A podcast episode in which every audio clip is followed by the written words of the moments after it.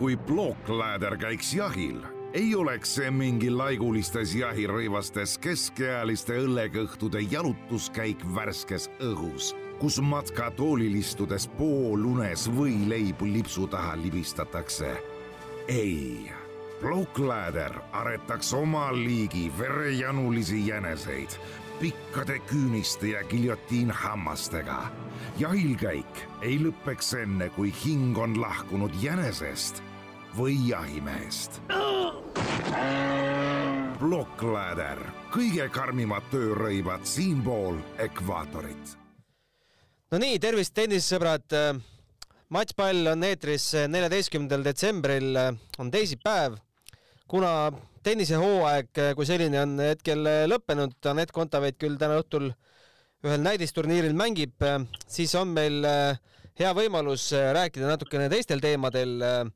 Meil on täna külaline üle pika aja ja külaline on lausa välisriigist, on kaugelt üle mere Rootsist. tere tulemast Matšpalli saatesse, Mart Peterson. suured tänud.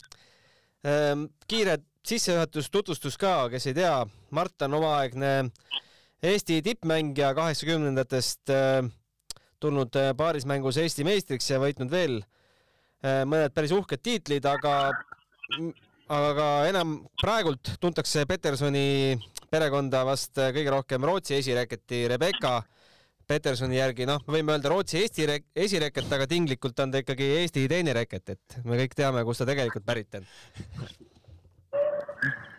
aga võib-olla, et, et Rebecca looni jõuda, peab rääkima ka Mart sinu loo ikkagi ära, et see on väga tihedalt omavahel seotud. Mart, kuidas, kuidas tennisepisik üldse, üldse sinuni jõudis, et sul ju vanemad ju spordiga ei tegelenud? vanemad spordiga ei tegelenud, aga tuli kooli kehalise kasvatuse tundi, tuli Harri Neppi ja valis, tuli välja valima, vaatama, kes tahavad tulla tennist mängima. no siis tuligi peaaegu terve klass läks, läks Kalevisse, Kalevi spordihalli ja lõpptulemus oli see, et ainukesena jäin mina järgi sinna. nii et äh, esimene aasta vist mul tuleb meelde, et ma mängisin ainult puulabidaga vastu seina. lugesin mitu korda, ma saan, saan lüüa ilma, et viga teeks. aga, aga nii ta hakkas, jah. kas sa olid siis ainuke, kelle Harri välja valis või sa olid ainuke, kes trenni jäi? ma olin ainuke, kes trenni jäi okay.. väga paljud olid, meil oli võib-olla mingi viisteist, viisteist tükki sealt klassist, kes tulid alguses. aga mina jäin ainukesena sinna. aga mitmes klass see oli, kui vana sa siis olid? olin üheksa aastane mm. -hmm. üheksa aastaselt hakkasin mängima, tänapäeval vast nii hilja enam mängima ei hakata. siis juba loetakse liiga vanaks, aga, aga sel ajal toimis see niimoodi. ma tean, et Teet Rätsep hakkas samal ajal mängima näiteks. Ja siin mul Rootsis siin, kellega ma koos olen tööd teinud, treenerid, seal üks hakkas mängima üheteistaastaselt näiteks, jõudis Stockholm Openi kvalifikatsioonini välja teine treener hakkas neljateistaastaselt mängima, aga nad mängisid enne palju jalgpalli ja hokit ja mis nad siin kõik tegid. nii et ma arvan, et see vanus võib-olla ei olegi nii hirmus, hirmus tähtis, aga tänapäeval paistab, et see enam niimoodi ei toimi. aga mis sind siis paelus tennise juures, miks sa jäid trenni? Ja eks seda küsimust ma olen ise ka mõelnud, ega ma ei teagi ausalt öeldes, mulle meeldis see lihtsalt. mulle meeldis, ma ei tea, miks, miks ma sinna jäin, mulle meeldis tennist mängida seal tennisrallis olla ja seal üleüldse see õhkkond ja seltskond. no me helistasime Harri Nepile ka enne saadet, küsisime natukene tausta sinu kohta. Harri ütles, et, et kõva tööloom, ma panin isegi kirja, kuidas ta tsitaat oli, jõle kohusetundlik, käis kõikides trennides, nii hoolega käis ja mängis, püüdis nii teha, nagu õpetati. tunned ennast ära sellest lausest? jah, tunnen küll, jah. tunnen küll et ega kergelt trenni vahele ei jätnud? ei jätnud, ei jätnud jah, sattusin ikka trennis ikka endast nii palju välja anda kui võimalik. no aga kas tol ajal see tennisetrenn tähendas ka seda, et tehti kõrvalt ju muid spordialasid? Oli palju midagi muud ka kõrval või, või oli ainult tennis? ei, mina ei teinud mingeid muid alasid kõrval. talvel? talvel, talvel mängisime Kalevi hallis puupõranda peal ja suvel, suvel sai rohkem mängida, suvel, suvel, suvel oli ju liivaväljakud ja olid laagrid ja, ja suvel olime, olime seal terved päevad ainult tenniseväljakutel. Millal need esimesed suured võidud siis hakkasid tulema, mis sa, mis sa, mis seal medalikollektsioonis kõige, kõige vanemad rariteedid on? oi, seda ei mäletagi enam. ega mul nii suuri, hirmus suuri võite ei olegi kuskilt, kui päris aus olla. no Nõukogude Liidu noorte kolmas ma olen äh, välja peilinud sellise tulemuse. jah, seitsmeteist aastaselt jõudsin poolfinaali, kui Tallinnas olid, olid need liidu meistrivõistlused. poolfinaalis andsin, andsin loobumisvõidu, sest Ranne oli haige. peale seda sain ühe süsti randmesse, siis võitsin veel kolmanda koha mängu, aga siis peale seda oli aasta aega ei saanud kahe käega taaget lüüa, nii et oli seal randmega olid probleemid, sain ainult klassi lasta, nii et eks selle tagajärjel jäi, jäi nagu aasta, aasta nagu vahele. Mart, kui ma mängisin tennist, aga mängisin ainult klassi lasin tagajärjega. Mart Harri mainis meile ühe, ühe väga olulise tiitli ära, kas sa arvad ära, mis tiitel see võis olla? oi, ei arva. armee meistrivõistluste võit armee meistrivõistlustel ei olnudki võit, finaalis olin jah, ah, finaalis. näed siis, suurem. kaotasin äh, Rosenthalile finaalis, kus need toimusid? Riias jah Riia, jah. uh -huh. jah, see ongi vast kõige suurem, kõige parem tulemus. aga see olles oli, mul endal juba meelest ära läinud. aga olles sellise hilisteismelisena ikkagi äh, päris, päris Nõukogude Liidu arvestatav mängija, siis mis see perspektiiv tol hetkel tundus, mis need väljundid üldse tolle aja Eestis olid? noh, perspektiiv oli, kõik taht- tahtsid ju välismaale sõita, välismaal ka mängida, aga see oli ju lootusetu üritus põhimõtteliselt, ainukene sõit oli sinna Ida-Saksamaale, eks ole. ja siis mõned paremad seal käisid Soomes ka vahepeal vist ja, ja see oligi nagu kogu lugu. aga jah, eks me sõitsime ringi ja mängisime nii palju, kui mängida sai ja aga noh, kahekümne kahe, kahekümne kolme aastaselt hakkas nagu õhk natuke välja minema, nii et siis nagu enam nii, nii täiega trenni ei teinud. aga see liidu koondise uks sulle ei paotunud, ei käidud vaatamas, nii nagu Võsandit käidi vaatamas? ei, see nagu, see tundus, see uks lahti ei läinud. nii, siuksed, nii et tulemust ei teinud. käisin korra seal liidukoondise noortelaagris käisin korra, aga, eks ma seal ääre peal kuskil olin, aga päris sees ikka ei olnud. Mis sa arvad, mis puudu jäi, et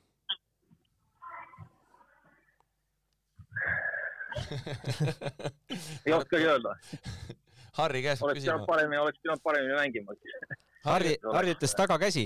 Harri ütles, et tema, tema, tema taha jäi kõik, et Mardi taha ei jäänud. no tagakäsi oli nõrgem küll jah, seda võib küll öelda jah, aga, aga noh, ei oskagi öelda. Võib-olla oleks veel rohkem pidanud tööd tegema. no Estikatel võitsid sa kaks pronksi üksikmängus äh, ja kuldmedali koos Teet Rätsepaga kaheksakümmend üheksa, pronks tuli kaheksakümmend üheksa ja kaheksakümmend kuus. on mingeid eredamaid mälestusi Estikates ka? ausalt öeldes ei olegi midagi niisugust, mis oleks nagu väga, väga teravalt meelde jäänud. aga noh, seal iga kord oli kõva andmine ja, ja kõik üritasid endast parima välja anda. ikka prestiiž oli mängus ja kes tol hetkel valitsesid Eesti tennist, kui, kui, kui sa neid pronkse võitsid? siis oli äh, Andres Usand, Peet Rätsep, Aivo Ojasalu, Ain Suurtal, Hannes Rašinski. Seal veel olid, noh, nemad olidki nagu põhiliselt. no Eesti tennis sada raamatus on äh, peatükk äh, sellest kaheksakümnendatest, et te rohkem pussisite omavahel, et äh, jõudsid sa neid äh, toonaseid Eesti tippe ka võita, kui nii palju omavahel mängisite? no ikka mõned võidud sai ikka jah, ma arvan, aga eks me seal omavahel mängisime mitmeid kordi. jah, seal, mis seal ikka, eks me omavahel seal mängisime ja tulid seal võita ja kaotusi ja ja noh, nagu ta ikka on. Äh, aastal kaheksakümmend üheksa, samal aastal, kui sa selle tiitli võitsid, kolisid sa, kolisid sa Rootsi, oli see aasta, jah? ma kolisin üheksakümnendal aastal üheksakümnendal aastal kolisin Rootsi. no räägi siis see lugu ka, et äh, kas aeg oli Eestis selline, et äh, ei, ei pakkunud mingit perspektiivi või, või miks, miks te sellise otsuse naisega toona tegite? jah, aeg oli üsna hall sel ajal ja üsna hall, hall ja tatine, nii et kuna naise isa elas, elas juba Rootsis ja naise isa on rootslane, siis, siis võtsime otsuse, et kolime sinna. ja üritame siis nagu otsast peale hakata. Aga oli, oligi täiesti nullist, et teil ei olnud seal äh, mingit töökohta ees ega midagi? mitte midagi ei olnud, keelt ei osanud, inglise keelt ei osanud, töökohta ei olnud, mitte midagi ei olnud.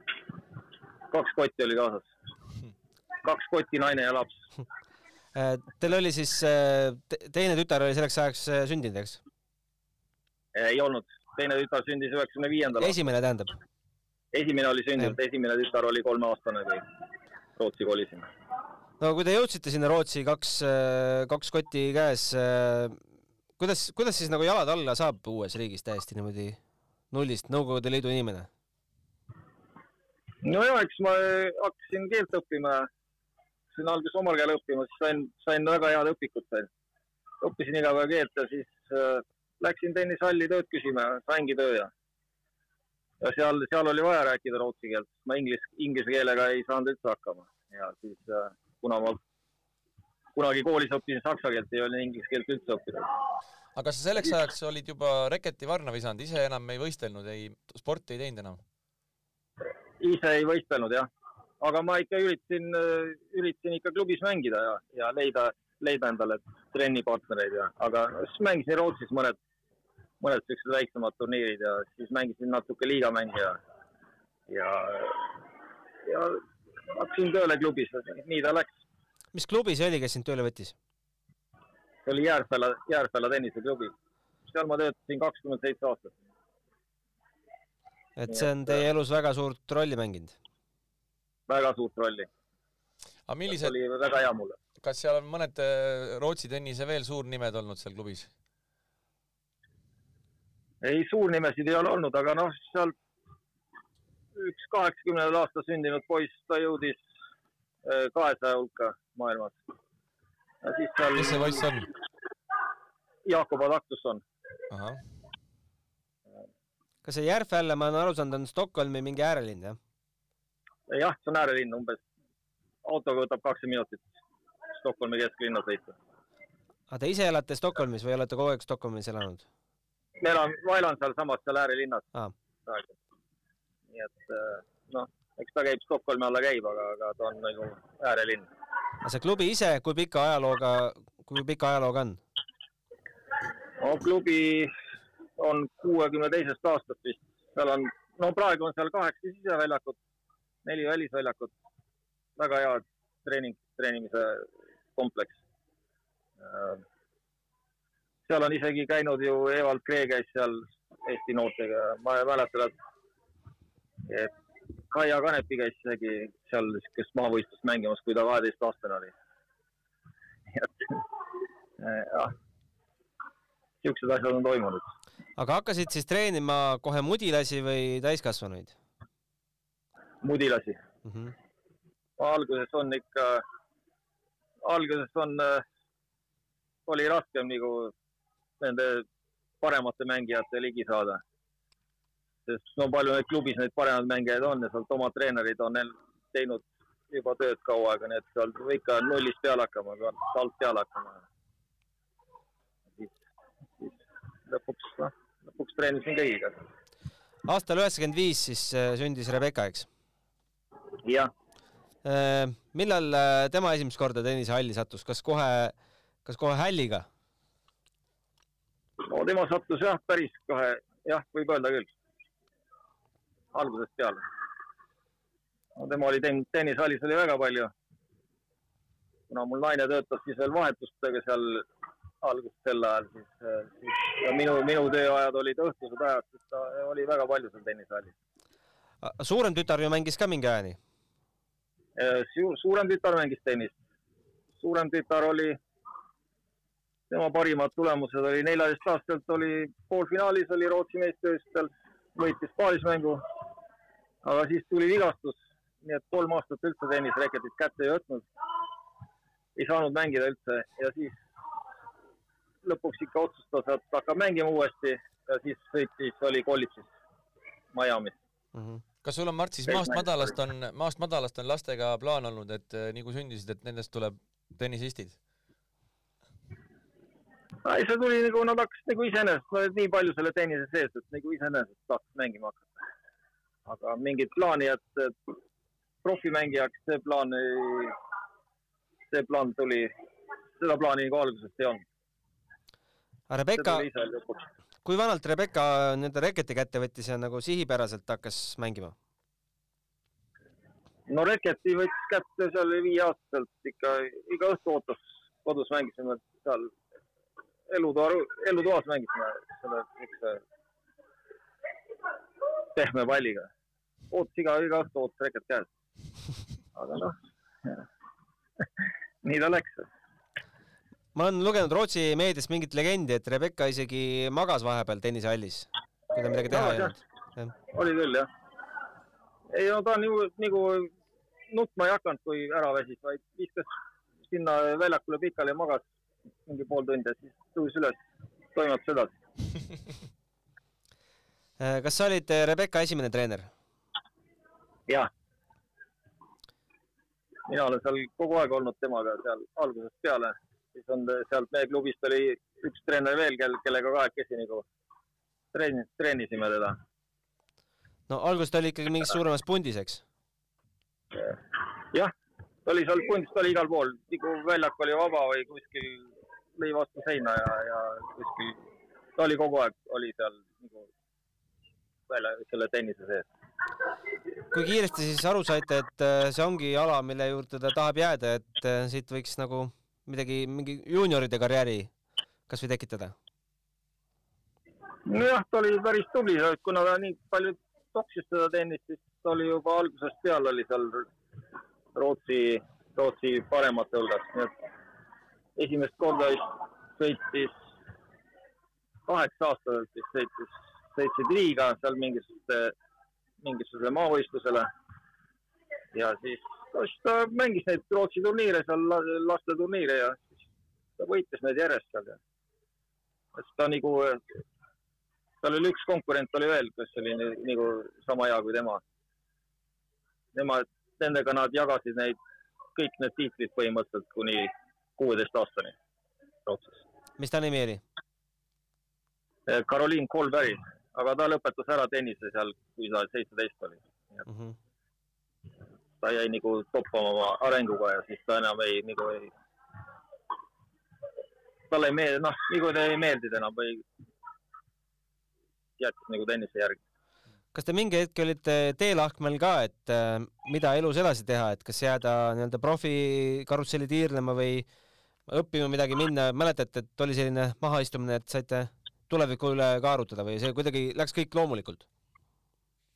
ei, kõik läks loomulikult Rebecca ütles alguses, et tema ei sõida kolledžisse Ameerikasse, tema tahab mängida ja, ja see läks, läks kuidagi loomulikult, kunagi siukest, siukest jutuajamist nagu ei ole olnud, mida ette võtta. Mart, aga räägi korra nendest aastatest, kui Rebecca mängis äh, tennis Euroopist ja, ja tuli üleminek ITF juunioride turniiridele, see väga raske iga tennises alati ja kui on raha vaja ja kui on vaja reisima hakata, et, et kuidas, kuidas see aeg teil läks ja kuidas te hakkama saite, palju te toetust saite üldse või kuidas, kuidas Rootsis see on olnud? no tennis Euroopi ta eriti ei mänginudki. seal mängis väga vähe turniire, tennis Euroopi turniire, aga ITF-i turniire siis alguses äh, muidugi selle tenniseliidu kaudu äh, sel ajal veel, veel võeti, võeti nagu turniiridele ja, ja noh, seal oli nagu tenniseliidu poolt oli siis treener kaasas. seal võeti kolm-neli tüdrukut, kes siis said nagu äh, sõita või siis poistega koos seal ka veel. oli punt, punt kaasas ja, ja siis oli nagu treener, treener kaasas. minul ei olnud võimalik kaasa sõita, sest mul oli seal vaja tööl olla ja, ja, ja ei olnud rahalisi võimalusi ka niimoodi. aga sa ei kartnud, et see tibiseb ära, see karjäär niimoodi, et kui ise ei ole juures? eks ta oligi niimoodi, et, et kui ta seal mingi paar nädalat ära oli, siis võttis ikka nädal aega, kümme päeva aega, enne kui ta mängu jälle nagu korda sai.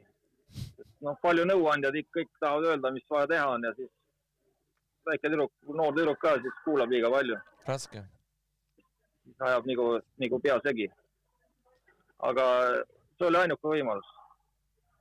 meil siin sponsoreid ei olnud, muid sponsoreid nagu ei olnud, kes raha, rahaliselt oleks toetanud siis need ITF-id, noh, seal läks kõik nagu tenniseliidu, tenniseliidu poolt siis nad aitasid. no et turniire, turniire sai mängida ja, ja siis anti, anti nagu üks treener kaasa ka siis, kes selle, selle noh, üks treener, esindaja oli see, kes seda punti siis nagu, kes selle pundiga kaasa sõitis.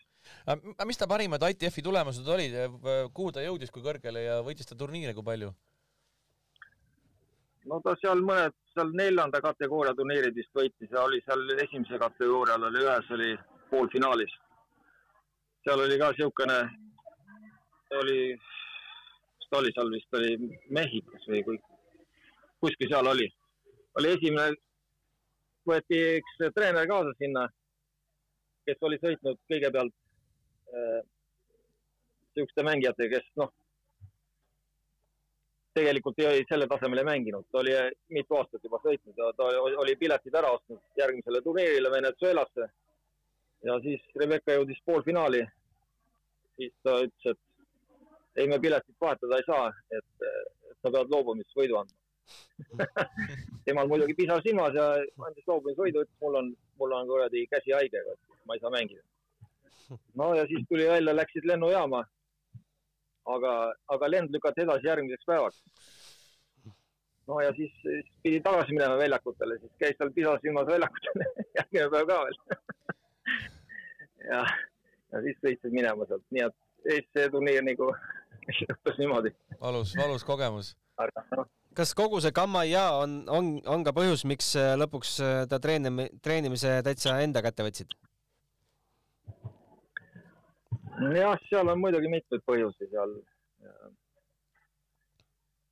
siis muidugi see mõte oli ju algusest peale, et kas, kas on suuteline tegema seda, seda sammu, et jõuda seal naiste, naiste hulgas kõrgemale edetabeli kohale. siis, siis oli juba natuke,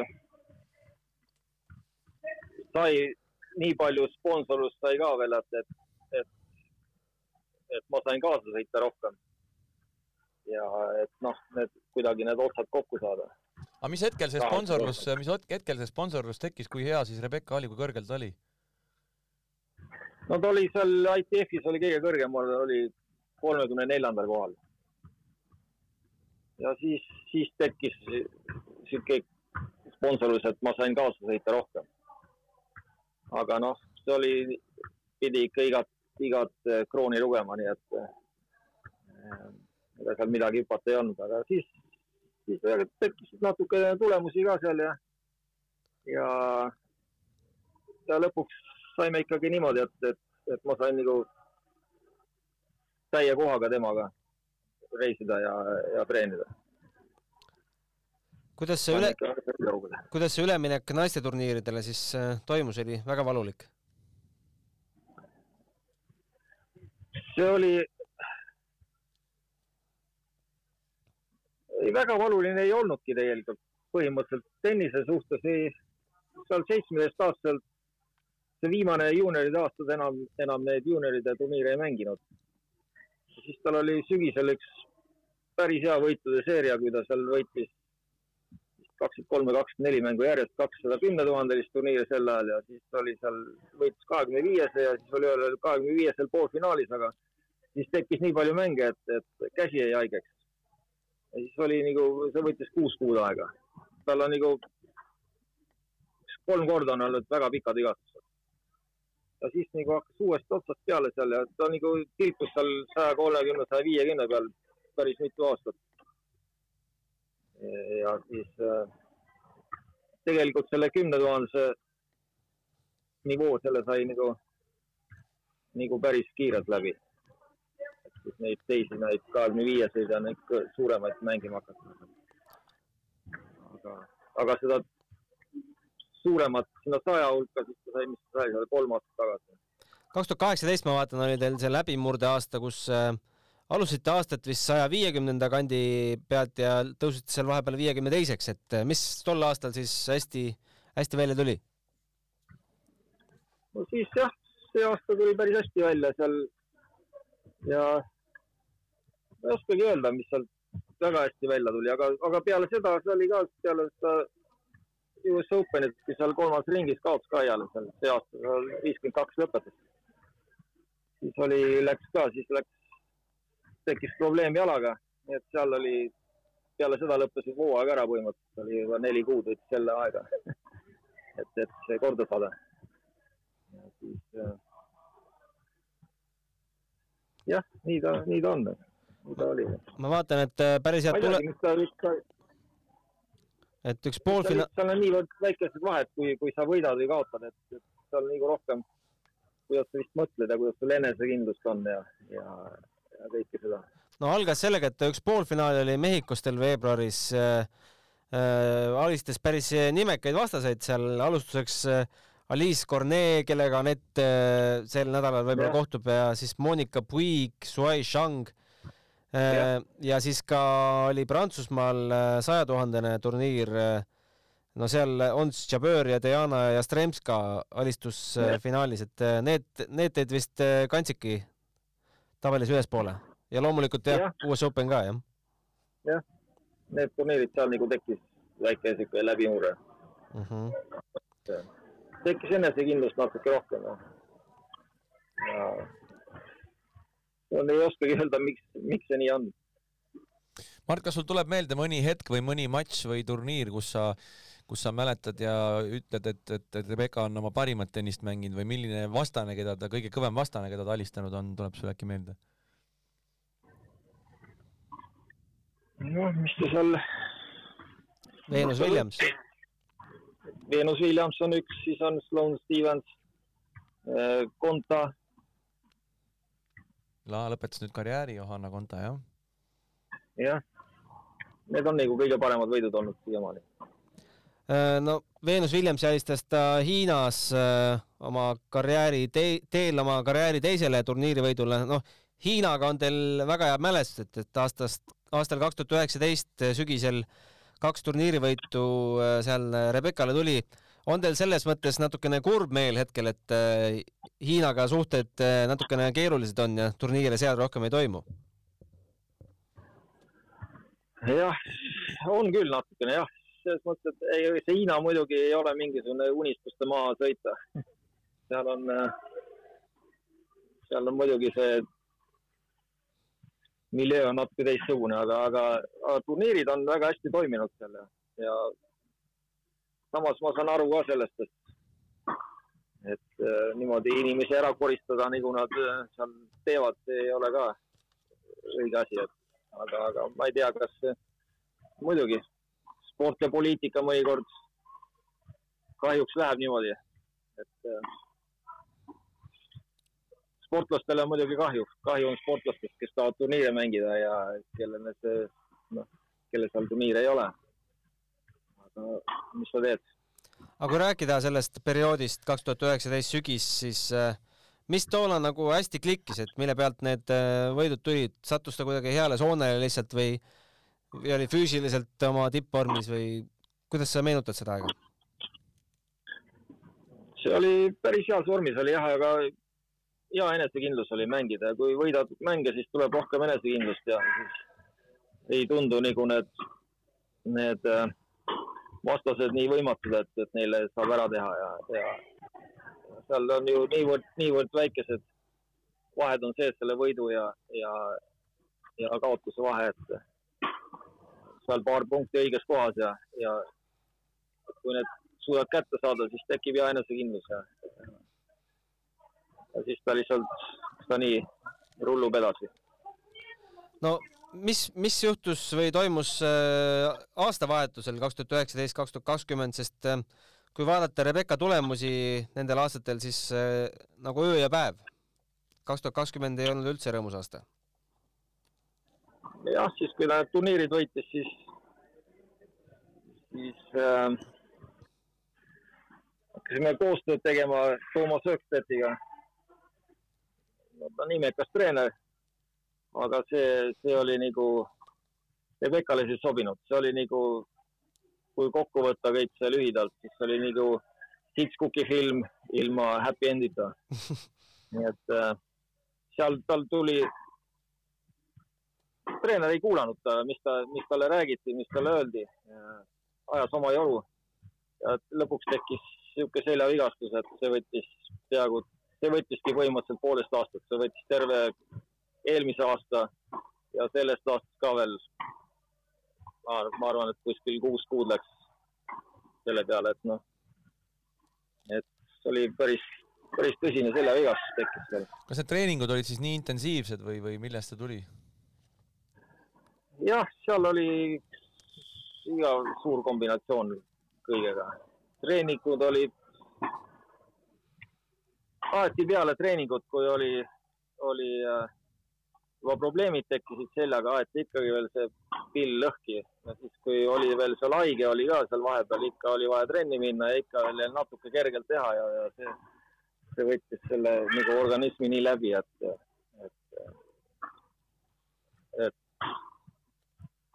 ei saanud enam mängida mm.. nii et see koostöö tegelikult, ma ei, seda koostööd ei kahetse, et me sellega al al alustasime, aga, aga oleks pidanud kuu aega varem ära lõpetama nii et see on treeneri leidmine ja see, see sobivus ja kõik, see on,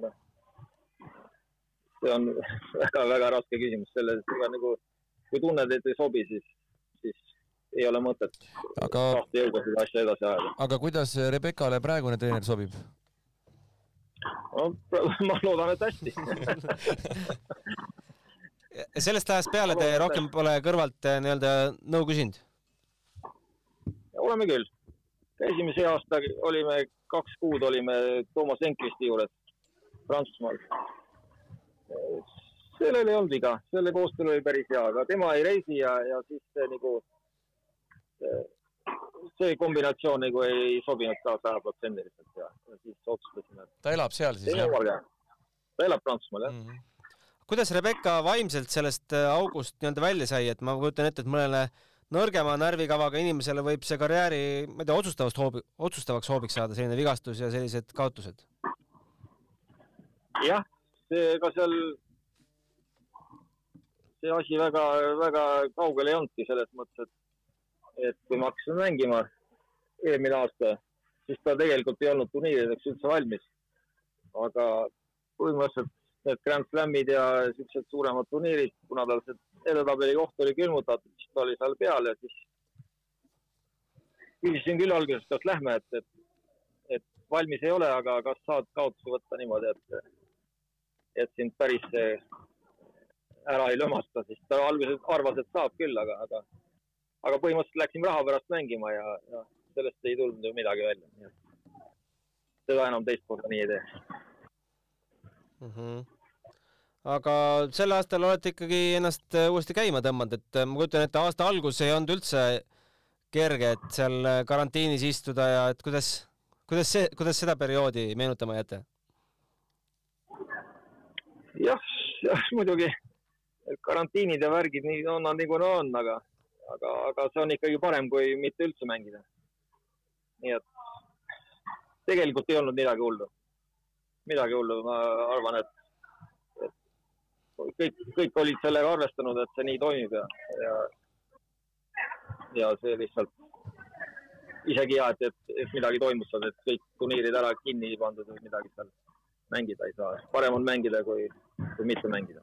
aga mis turniirist alates päike nii-öelda tunneli lõpus uuesti paistma hakkas? ma vaatan tulemuste järgi pärast Austraalian Openit see väiksem äh, Melbourne'i turniir jõudsite seal veerandfinaali, kas sealt kuskilt? jah, Melbourne'is mängis päris ilusti, mängis Austraalias, aga siis seal viimane turniir, seal tekkis jälle seljaga tekkisid probleemid, nii et eh, Adelaide'is tekkis, enne Adelaide'i tekkisid juba Austraalias viimase turniiriga tekkis väike probleem seal. ja siis äh, läksin Miami'sse, seal tekkis jalaga probleem see võttis jälle aega, mingi kuu aega siis ta juba natuke sai mootorit, hakkas käima saama Pariisis. ja seal liivaturniiridel mängis juba täiesti, täiesti normaalselt. Viim-, Wimbledonis sai söögimürgituse. seal oli nädal aega, võttis see aega. sõi maasikaid, maasikaid vahukoorega, jah aga seal sai mingi, sõi mingi toorest kana seal väljakut, ei tea, istus, istus äh, istus terve öö seal poti peal ja siis järgmine päev mängida ei saanud, aga mäng lükati järgmine, siis edasi, kuna vihma sadas. Läks küll väljakule, aga sealt ei tulnud mängust midagi välja. siis seal enne US Openit natuke hakkas, hakkas, läks jälle ilm natuke päikseliseks, nii et äh, hakkas mäng tulema jälle ja siin sügisel olete mängukindlust kogunud ka natuke väikes, väiksematel turniiridel, et äh, võitsite seal ühe kuuekümne tuhandese USA-s ära? jah, jah. nii et äh, ei, siis mängis juba päris ilusti. aga no kõik suuremad turniirid ebaõnnestus kahjuks sel aastal, nii et vaatame, kuidas järgmine aasta hakkab. no eks Anetil on ka siin oma roll olnud, et äh, seal Transilvaanias, mis see oli, poolfinaal või? kuus kolm, kuus kaks? Jah, Anett mängis ilusti. Anetis on, on väga väga hästi mänginud, et seal ei ole midagi öelda.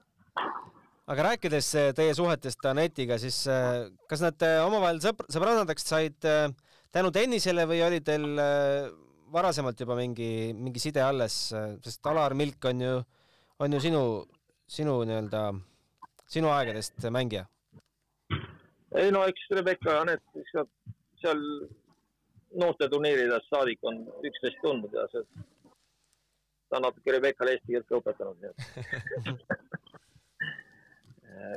Nad on nagu kaua aega üksteist olnud, nad ikka, ikka räägivad omavahel juttu ja, ja nii, kui nad turniiridel on.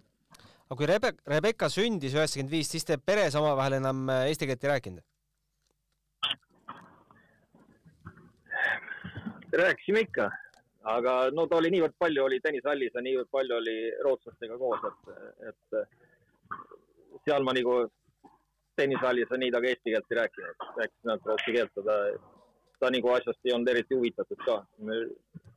siis läks nagu, kodus läks ka keel nagu eesti keele ja rootsi keele seguks kokku, nii et ta saab aru küll, mis me räägime, ta saab aru, millest räägitakse ja, ja, ja mida öeldakse, aga, aga ta nagu ise, ise ei räägi. Ma mäletan ka, et kui me vist kaks tuhat kaheksateist vist oli see Fed Cup, kui me teiega siin Tallinnas rääkisime, et siis Rebecca istus ka selle intervjuu juures, et äh, mul jäi ka siuke mulje, et ta kuulab ja saab täiesti nagu aru, millest me räägime. ta saab aru jah, millest räägitakse ja, ja ta saab rohkem aru, kui arvata on. mina rääkisin temaga küll Fed Cupil eesti keeles kogu aeg. ta küll naeratas, aga ma arvan, ta sai kõigest aru. mina rääkisin kogu aeg temaga eesti keeles no ta nagu ei julge, ei julge nagu rääkida ka nii palju ma arvan, et kui ta Eestis elaks mõned kuud, siis hakkaks, hakkaks rääkima päris ilusti. nojah, siis ongi järgmine küsimus meil, et millal te tagasi tulete siis, kui Fed Cup Eestis jälle tuleb äh, tegelikult te käisite ju üsna hiljuti, ma tahtsin küsida, et kui tihti te käite siin Eestis, et äh, Rebecca Instagramist võib küll näha, et, et oktoobri lõpus äh, käisite siin vanalinnas jalutamas ja? jah, ma käisin, ma olin, no tema oli ainult kaks päeva, aga mina olin siis ma olin siin nädal aega, üle nädala ajanud. nii et eh, ma käin ikka üks kord aastas. et teil on siin ikka sugulasi kõvasti? no mul ema elab, ema elab Tallinnas. käin ema vaatamas uh. Mhm. -huh. kui palju Rebecca tunneb, et ta on eestlane, kui palju te sellest räägite, mis Eestis toimub näiteks või? no ma arvan, et ta tunneb, et rohkem, et ta on rohkem rootslane. no nii üles kasvanud siin selles, selles õhkkonnas ja et ta, ma arvan, et ta tunneb, et rohkem, rohkem rootslane. ta on tegelikult, ma arvan, et siin peetakse teda nagu, nagu vahepeal. nagu rootslane, rohkem rootslane, aga siis nagu ma ei tea, kuidagi imelik niisugune, et nagu vahepealne on. ei ole ta ei üks ega teine ma tahtsingi küsida Martsu käest, eks me kõik ju teame, mis, mida, mida tähendas Rootsi meestetennis kaheksakümnendatel ja palju on ju kirutud seda, mis siin vahepeal toimunud on, aga kui, kui, kui suur superstaar või kuivõrd äh, populaarne on, on Rebecca üldse Rootsis täna? siin Rootsis räägitakse väga vähe tennist. Äh, äh, see oleks vaja. Jah, inimesed on võib-olla natukene, natukene rohkem teavad, kes on, aga, aga üldiselt on üsna niisugune anonüümne. vaatamata et, sellele, et ta on esireket. jah, ongi nii. tennise, tenniseseltskond teab ju muidugi kõik ja, ja mõned inimesed seal ka, kui tänava pealt küsida, võib-olla tunnevad ta nime ära, aga üldiselt on väga-väga anonüümne. no Rootsis on, hoki on, jäähoki on äh, niivõrd suur, seal üle seitsmekümne rootslase on NHL-is. siis jalgpall ja, ja, ja, ja need talvespordialad ja, ja aga sa oled nüüd nii pikalt Rootsis olnud, et kas sa oskad öelda, mis, mis siis valesti tehtud on või kuidas see, kuidas see ära kadunud on kõik? no seda küsimust esitatakse siin äh, tuhandeid kordi iga päev põhimõtteliselt ja. ja arutatakse seda, mis juhtunud on ja mis viga on ja miks, miks ei toimi. Aga ma arvan, et et mindi ära kuidagi oma selle, selle vundamendi pealt, mille pealt rootslased olid nagu väga tuntud olid, et, et füüsiliselt olid väga tugevad ja, ja mentaalselt või noh, nagu olid ka väga tugevad, et neid oli raske võita. aga selle pealt nagu mindi ära, mindi nagu, et löögid peavad ilusad olema ja peab kõvasti lööma ja nagu see, ma arvan, et see, see vundament nagu kuidagi kadus ära. jah, kunagi ju kogu maailm teadis rootslasi kui äh, inimesi, kes sõidavad Volvoga, kuulavad APA-t ja mängivad tennist, et see oli ju A ja O jah, vot, vot siin oligi niimoodi, et, et kui need Rootsis need suured aed olid, siis äh, käisid hispaanlased, käisid vaatamas, mismoodi rootslased trenni teevad. No aga siis, äh, kas siis pra- äh, kas... tegid omad, omad süsteemid seal, eks ole, ja, ja, ja nüüd on vastupidi, et nüüd tulevad hispaanlased siia ja räägivad rootslasele, mismoodi nemad trenni teevad mm. -hmm. kas, kas praegu, kui äh, no tegelikult ju päris äh, hea tulemus ja, ja võib-olla, võib-olla seal on ka kapteni roll päris suur, kui Davis Cupi koondise kapten oli Robin Söderling ja Rootsi mängis ennast äh, välja veerandfinaali, kas, kas, kas see oli suur sündmus Rootsis või sellest räägitakse või, või, või? sellest räägiti jah. sellest räägiti jah? palju, see oli televisioonis isegi näidati seda. et see on ju väga korralik tulemus jälle, noh, üle, üle pika aja. väga hea tulemus mm. -hmm. ja muidugi need vennad Üümerid seal neid, neid teatakse, räägitakse rohkem neist kui, kui Rebekast näiteks ja see on nagu, Roostel on põhiliselt, meeste tennis on nagu, nagu äh, kõrgemal kohal kui, kui naiste tennis. ja, ja sellest tulemusest räägiti, jah, see oli muidugi väga-väga hea tulemus. näitab ka, et oskavad mängida. aga see kõik see tennise, see nagu kandepind on nagu laiemaks läinud. et ühtlane tase on ju palju ühtlasem, kui ta oli seal kakskümmend aastat tagasi mm. -hmm. no meie siin äh, tunneme väga hästi seda Rootsi Kuutu Great Akadeemiat. Äh, kas on selliseid äh, kriitikanooli ja kriitikapilke ka sinnapoole visatud, et miks sealt siis ei tule tippe? kriitikat ei ole nagu visatud sinnapoole, aga, aga sealt, kui päris aus olla, ei olegi tulnud midagi kui, kuigi terve Rootsi paremik on seal läbi käinud sealt ja treeninud ja, ja sealt ei ole nagu midagi, midagi, midagi erilist toimunud uh. -huh. seal on väga head võimalused, on ilus suur tennishall, välisväljakud, suur jõusaal, äh, tuntud treenerid, aga noh, ma ei tea, miks, miks see nii on. aga tunned sa, kui selle meediakajastuse juurde tagasi minna, et kui Rebekat oleks ka mõned aastad tagasi rohkem kajastatud, siis oleks teil ka võib-olla sponsoritega natukene rohkem mäel? tõenäoliselt jah, tõenäoliselt. kas täna siis Rebekal Aga... ei ole äh, häid sponsoreid või siiamaani või? no praegu ei ole ühtegi peale see, kes reketid annavad ja riided selga annavad. uskumatu. uskumatu. täiesti uskumatu. mitte ühtegi. täiesti uskumatu. ja ma ei teagi, millest, millest see tingitud on, sest, sest äh, Rootsis on väga palju siukseid tenniseharrastajad, kes on väga heal järjel ja väga suurte firmadega seotud, seotud, aga, aga ma ei tea, miks see nii on. et põhimõtteliselt elate tulemuste najal peost suhu, jah? no põhimõtteliselt öeldi niimoodi, et, et äh, või olümpiakomitee ütles niimoodi, et kui ta sada viiskümmend oli, siis öeldi, et ai, ta ei ole piisavalt hea ja siis, kui saasisse jõudis, siis ütles, et nüüd saate ise hakkama mm. -hmm. nii et ma ei, ma ei tea. me peame. ma arvan, et paljud, paljud ei saa, ma arvan, et paljud, kes tennises, tennisega seotud on ja, ja kes siin on sponsorid ja kõik, nad ei tea, palju need palju see lõbuvõit maksab, et seda, seda ringi vedada, seda, et ringi sõita tuuril ja, ja siin treenerid ja värgid ja füüsilised ja värgid, kõik, mis need, mis need kokku maksavad. Mart, tundub ikkagi ainukene lahendus, et me peame Rootsi esireketile sponsori Eestist leidma, ega midagi teha ei ole.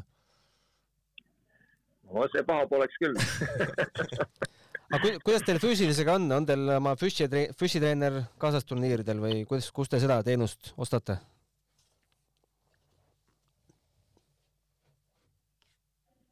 Ähm, tal on füüsiline treener olnud viis aastat, on treener olnud ja väga hea, väga hea treener, Ali Kellem on ta nimi, ta treenis varem Robin Söderlingi. ta mõnikord on kaasas olnud ja siis Rebecca on väga palju, iga, iga päev kontaktis, kui ta on võistlustel, nii et, et ta teab, mis teha ja, ja mina olen seal nii palju ka kaasas olnud, et õppinud selle kõrvalt ja, ja, ja praegu on see asi niimoodi olnud. Kas sul on aga äh, mõnikord on kaasas võistlustel. kas sul on Robin Söderlingiga kokkupuudet, millega tema tegeleb praegu? lisaks Davis Cupi kapteni ametile? no temal on, tema peale oma karjääri, siis ta tegi oma, oma selle äh, brändi, brändi jah, RS, eks tal on tennisepallid, keeled, äh, riided ja, ja padel, padelreketid. Ja sellel brändil läheb väga hästi. kas te, ta sellega tegeleb palju. kas te spordipsühholoogiga olete ko koostööd teinud? oleme. kas see pidevalt või, või mingi, mingi väikse ajaperioodi ainult? Äh, viimasel poolel aastal päris tihedalt. kas ta nimi on Mart Peterson ei ole aga on sellest kasu ka, näed sa edasiminekut? on, kasu on. Mis see kõige suurem kasu on? nojah, et mõtted õigesse kohta panna, energia õigesse kohta panna, et liiga palju tuuma loomaga ei võitleks mm. -hmm. kõik, kõik, kui need, kõigil tennisemängijatel on omad stressid ja pressid ja mis neil seal peal on, eks. kui nad ütlevad, et neil seda ei ole, siis ma arvan, et nad valetavad. Aga kas sa, kui sa, kui sa oma tütrega oled nii palju aastaid koos olnud, teda treeninud, kas sa juba väljaku väliselt eh, tunnetad ka ära, mis platsil toimuma hakkab? ja mõnikord jah, aga, aga seda ei tea kunagi. et ma mõtlen, milline ta olek on ja kuidas ta kõik see nii-öelda. ja eks mingil määral küll jah. Aga mõnikord vaatad, et kõik on väga hästi ja siis läheb võistlust mängima, siis ei tule midagi välja ja mõnikord on teistpidi, et hommikul ei tule midagi välja ja siis läheb võistlust mängima, tuleb väga hästi välja mm.. seda, seda ma ei oska küll põhjendada, miks see nii on. millised on sellise tenniseperekonna, kus äh, lapsevanem treenib äh, ikkagi täiskasvanud äh, oma last, millised on sellise koostöövormi plussid või miinused?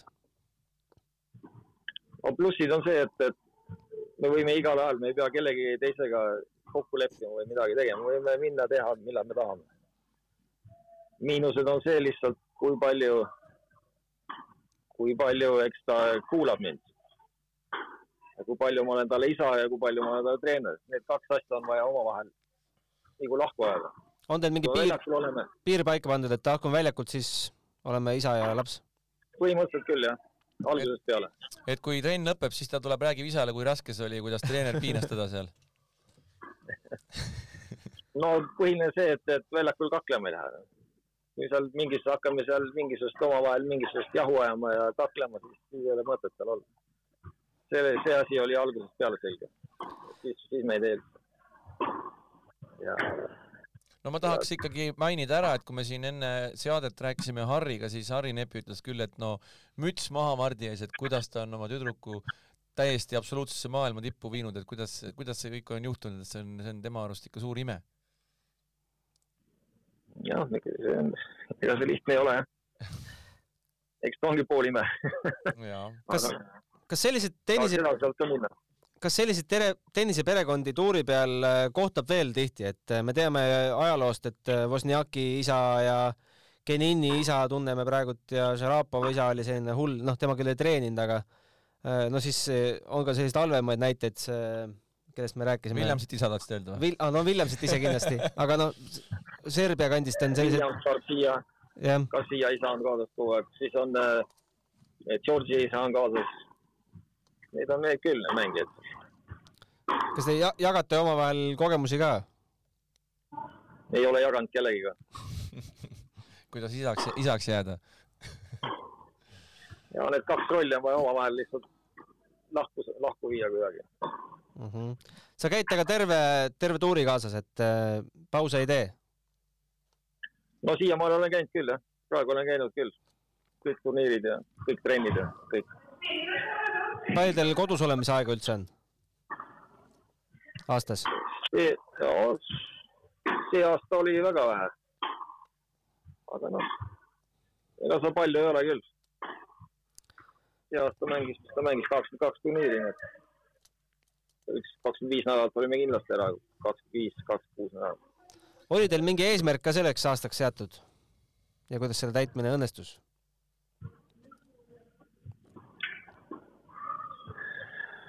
jah, see eesmärk oli kõrgemalt, kõrgemaks seatud, kui ta õnnestus lõpuks, aga, aga põhiline oli see, et, et tervis korda saada, see oli kõige suurem eesmärk, et, et suuda, saaks treenida ja, ja võistelda nii, et ei ole mingisugused vigastused kogu aeg. no hetkel on kõik hästi või? no praegu on hästi jah, mis teie aastalõpuplaanid siin on, on veel midagi, puhkate praegu või valmistate ette, mis turniirid tulevad Rebekal aasta alguses kohe? ei no praegu on ikka ettevalmistusaeg ja, ja füüsilised trennid ja tennisetrennid ja ja kahekümne seitsmendal sõidame Austraaliasse. sa räägid meiega tennisehallist, on teil hetkel trenn tulemas? trenn on tulemas jah. trenn hakkab, hakkab äh, üks tunni aja pärast. ahah. Austraalias, mis turniire te mängite? seal on kaks kahesaja viiekümnest on enne Australian Openit ja siis äh, Australian Open Oled.... Melbourne, Adelaide ja siis on Australian Open. olete te järgmise aasta eesmärkidest ka rääkinud? oleme ikka, tahad midagi paljastada ei taha ei taha, jätame enda teada. mm? -hmm. Sponsor leida Eestist? no see oleks küll jah, päris hea eesmärk.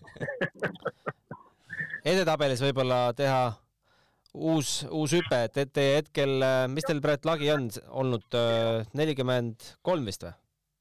nelikümmend kolm on Jah. kõige parem jah. no kaheksakümmend, praegu te olete kaheksakümmend kuus jah?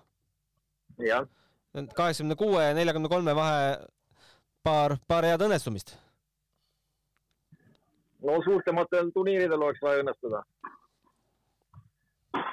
seal on suur vahe, mängijad on samad. aga seal oleks vaja paremini mängida. vaatame, kuidas järgmine aasta välja tuleb. mis pilguga te Eesti tennist sealt vaatate, teeb natukene kadedaks ka, meil on ikkagi kaks naist esisajas. jah, no mis seal, see on ju väga hästi, aga noh, seal võrrelda, ma ei tea. kade, kade küll ei ole, oma mängijad, mis kade? kade küll ei ole, selles mõttes on väga hästi, kui niimoodi on. oleks vaja teil seal mingi meesmängija ka saada sinna üles. ja siis äh, väga hästi, Eesti tennis on väga kõva. käite te tuuri, näha ka, kõik tennishallid on ju rahvast täis, nii et käite te Aneti ja Kaia mängudel äh, kohal ka? olete nii-öelda fännid? jah, ma olen mõned vaadanud, aga eks ma ikka jälgin, kuidas läheb. Neid ma, seda ma jälgin ju kogu aeg. Äh, tuuri peal olles, kas te jälgite rohkem äh, Rootsi meediat või läheb mõni Eesti portaal lahti esimesena, et äh, kumma, millises infoväljas sa oled? ei no eks ma esi,